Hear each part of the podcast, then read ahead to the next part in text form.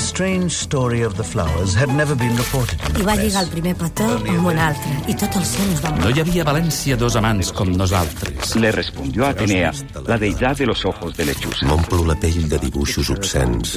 I tu hi ets, Marta. Nothing there after death. A white wall, silence. Robert, que avui anem aquí de País Sí, Valencià i ses Illes i efectivament, com ens diu un oient, a banda dels 120.000 eh, euros cada mes hi ha una multa anterior que està pendent de 680, eh? Ens diuen el, el número de compte corrent, eh? Aneu-lo a buscar a catradio.cat barra en directe. Ens l'ha dit la Montserrat de Sant Feliu de Codines, el podeu rescatar. Posició 33. Digue'm, Robert, què expliquem? No, anem, després de- de- d'aquest acte patètic, no?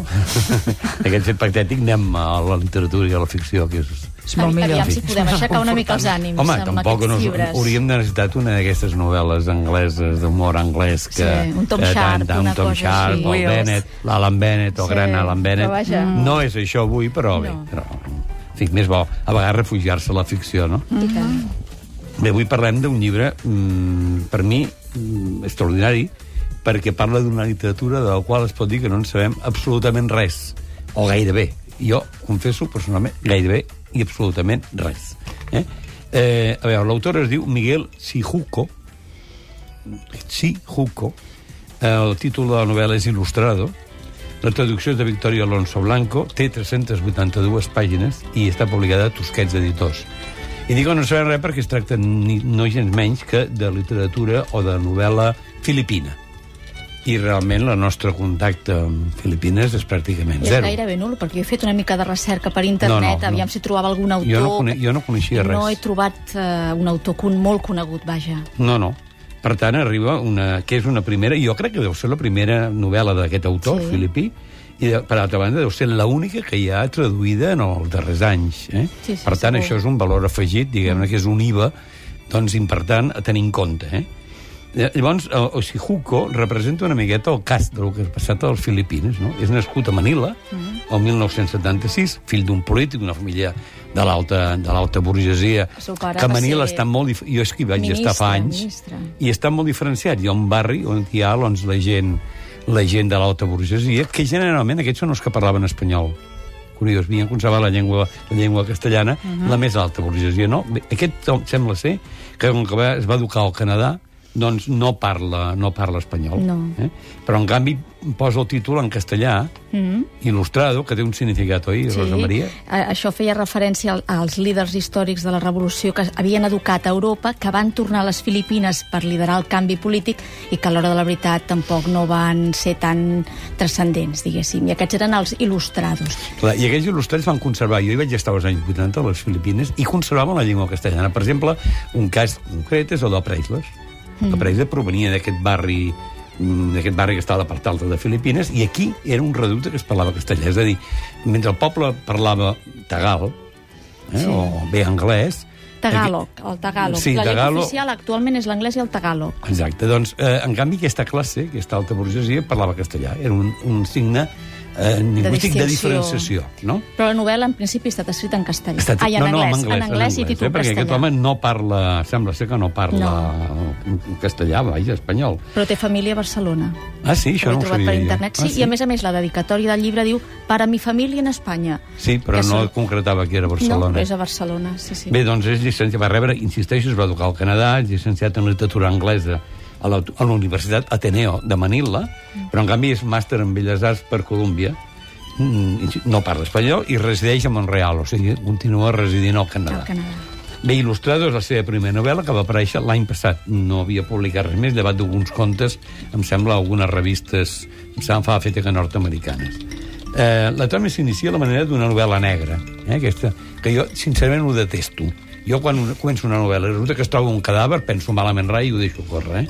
perquè això ja és un tòpic, no? Uh -huh. Bé, en aquest cas, doncs, comença la novel·la descobrint un cadàver a la bahia del Hudson, a Nova York, i aquest cadàver és d'un- d'una mena de patriarca de les lletres filipines que es diu Crispín Salvador, uh -huh. que estava escrivint una magna obra desmitificadora de la vida, de la vida filipina uh -huh. i, mm, curiosament, doncs, al trobar el cadàver no, mm, descobreixen també que s'ha perdut aquest original. Aleshores, un senyor que es diu Miguel Sij- Sijuco o sigui, el mateix nom de l'autor, deixeble d'aquest mm, d'aquest prestigiós escriptor filipí que han trobat mort, es vol esbrinar per què ha mort, com ha mort i què se n'ha fet del, de l'original, no? Mhm. I aleshores, per fer això, torna a Manila.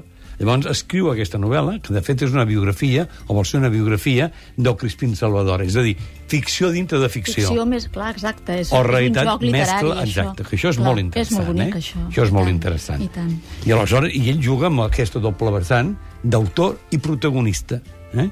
I, Ens digues, sentim- digues. Anava a dir, ens sentim un fragment? Sí, i tant. Som-hi. Que és boníssim, sembla. Cuando su vida, una vida de literatura y exilio, llegó de improviso a término aquella mañana anónima de febrero, el autor daba ya casi por concluido el polémico libro que todos estábamos esperando. Su cadáver se encontró flotando sobre las aguas del Hudson. Un pescador chino lo enganchó con su anzuelo. Los brazos, magullados, los tenía abiertos a un virginal amanecer. Como un Cristo, se observó sarcásticamente en un blog de nuestro país. Los calzoncillos con el elástico raído y los pantalones Hermenegildo Ceña bajados hasta los tobillos. Había perdido los dos zapatos. Una corona de sangre ornaba su ancha frente, aplastada tal vez por alguna palanca, un pilón del muelle o una placa helada del río. Aquella tarde, como en un sueño, me planté bajo el frío glacial al otro lado de la cinta policial amarilla que acordonaba la entrada al apartamento del West Village, donde había residido mi maestro. Los rumores empezaban ya a circular. El Departamento de Policía de Nueva York había encontrado la casa toda revuelta. Agentes vestidos de paisano habían salido de allí cargados con montones de bolsas negras llenas de extraños artículos. Los vecinos afirmaban haber oído gritos durante la noche. La abuelita de al lado dijo que su gato se había escondido bajo la cama y se negaba a salir de allí. Era un gato negro, recalcaba. Estem sentint un fragment d'il·lustrador de Miguel Sijuco. Eh? Sí, és l'inici de la novel·la, això. Justament és l'inici de la novel·la perquè veieu el to i per on va, no? El Ramon Vidal ens ha posat el so de les aigües del Hudson, eh? I Clar, el gat i final, gat, això i és gat. Ho hem fantàstic. notat que les aigües eren d'aquest Sí riu. que i no ho de era. cap que el gat altre. era Oi que negre. sí, el gat era Ramon, eren negre. les del Perquè el gat era negre, que això és Però important. la veu vela hi entén amb gats. Sí. Sí. A veure, deixeu-me dir una cosa, que aquesta novel·la va, ha guanyat dos premis molt importants, el Man Asian Literary Prize el 2008 i el Premi Palanca, que té un nom així molt especial, que és el més prestigiós de les lletres filipines. I a més a més, el New Yorker va dir que era una de les millors 100 novel·les del 2010. Per tant, això ja contextualitza.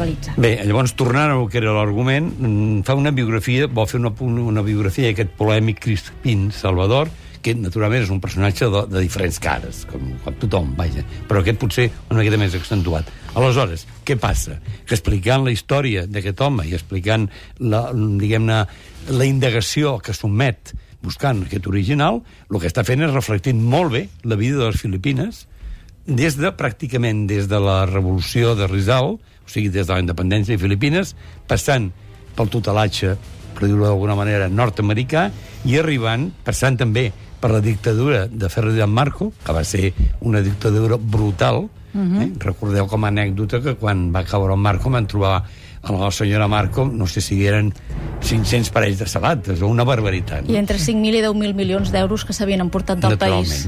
Doncs avui hem presentat aquest llibre, ara en regalarem després de les 5, il·lustrado de Miguel Sijuco. Robert, gràcies, fins divendres vinent. Fins divendres vinent.